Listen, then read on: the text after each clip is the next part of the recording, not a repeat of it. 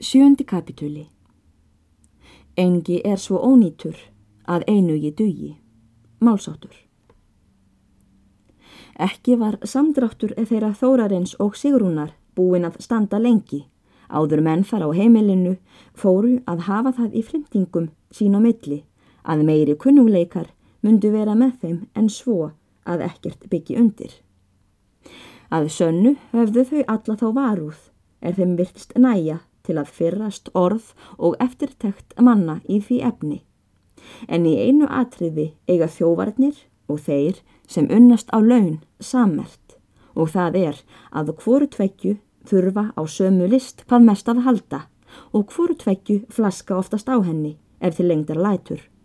En svo list er að að kunna kænlega að fela. Þórarinn og Sigrún voru viðvanningar í þessari list og því var það að menn þóttust verða margs þess vísir sem þeim þótti ekki grunnlust. Nokkrir þóttust sjá að þau þórarinn litu hýrlegar hvort til annars en karlmaður og hvennmaður sem ekki hafa þel saman. Sumum þótti það bregða nokkuð kátlega við að þórarinn nú oftar en áður vandi komur sínar upp á loftið til sístur sinnar og satt þar stundum saman og engum sætti því lægi er prestur var ekki við.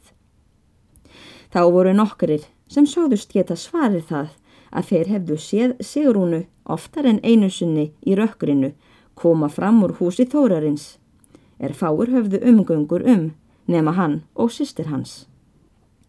Þessar og því líkar sögur gengum mann frá manni þar á bænum og þó fór flimt þetta ekki hátt enda höfðu menn getgátur einar og líkur en enga vissu við að styðjast. Þó var þar á staðunum pilturrein er vissi nokkuð gjörum þetta efni en aðrin menn. Piltur þessi kjött Finnur og var Bjarnason. Hann var aðlinn upp þar á stað. Nú var hann orðin hálfa vaksinn og kominn á ádjánda ár. Finnur þessi var að miðlungi vel þokkaður af heimilisfólki. Þótti hann heldur ófyrir leitin og óvægin í orðum og smá bróðóttur. Vel var hann viti borin og laglegur að smokka sér úr vandamálum er fyrir hann komu og sem stundum voru ærið mörg. En með því nálega hver maður átti sökótt við hann, þóttist hann ekki einhlítur úr að ráða vandræðunum.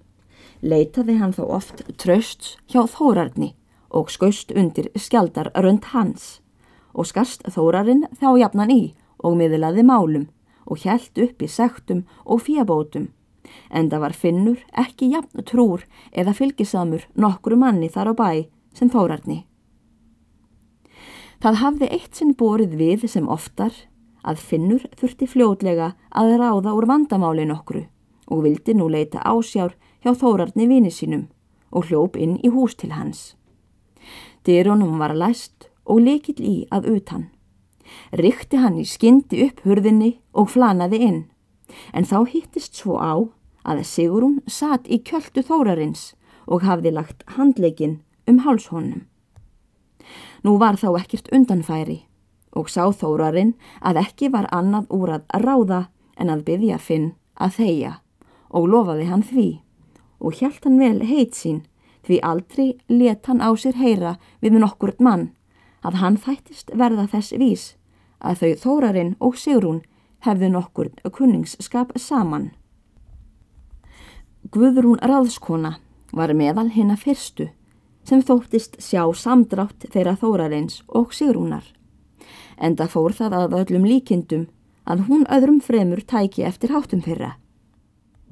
Leið nú ekki á laungu, áður hún bara mál það upp fyrir sér að sigvalda og krafðist þess að Sigrún væri þegar flutt aftur til hlýðar. Prestur varð í fyrstu afar reyður en stilti sig þó vel og bað Guðrúnu láta fátt yfir. Og vil ég, segir hann, gjör vita hvað í efni er um þetta mál og uggir mig að þau muni ekki lengi fá dölist ef svo er sem þú hermir. En þess tel ég alla von að þórarinn máur muni segja þetta álegar einar nema ég megi nokkur gildari rauk til færa. En síðan mun ég taka þau ráð, er þykja vænst. og skal þá Sigrún heim fara. Að svo búnu fella þau talið og líkaði Guðrúnu þó hvergi vel að Sigrún var ekki þegar brott rekin. Hugsar prestur nú hvernig hann megi best fá fulla vittnesku um það hvort nokkur tilhæfa sé í því er menn voru farnir að flimta um þau þórarinn og Sigrúnu. Þar á staðnum var maður nokkur ef mann skildi kalla. Hann hétt Hjálmar og var kallaður Tutti. Hann var nýðursetningur og svo hafði hann verið alla æfi. Eftir það foreldra hans misti við og var hann þá hálf ferdigur af aldri. Hann var yppin í skapi og hverjum manni kvumleiður. Það var hvort tveggja að Tutti kunni líkt til verka en það var hann svo kargur og yllur viðregnar að nálega fegst ekkert af honum til starfa. Vildi hann heldur þóla högg og barsmið en að vinna annað en það sem honum líkaði sjálfum. Og svo var hann vandfísin og heimtufrekur um flest að varla mátti gjöra honum nokkuð til hæfis. Ekki þótti smábændum dælt að hafa tutta á vist og var hann fyrir jafnan ætlaður presti eður öðrum repsmönnum til framfærslu. Þeimir voru í heldri bænda röð og fór á millum þeirra og var sitt árið hjá hverjum en það vildi hann ekki annar staðar að vera en á stórbílum, því þar þótti honum betra til fanga en á kotbæ. Ekki var æði og látbragð tutta sem þeirra manna sem eru með fullu viti eða siðlátur heita og að öllum háttum og látæði líktist hann meira fýbli og fordæðu en mennsku manni og fyrir því var það almæli að hann væri umskiptingur.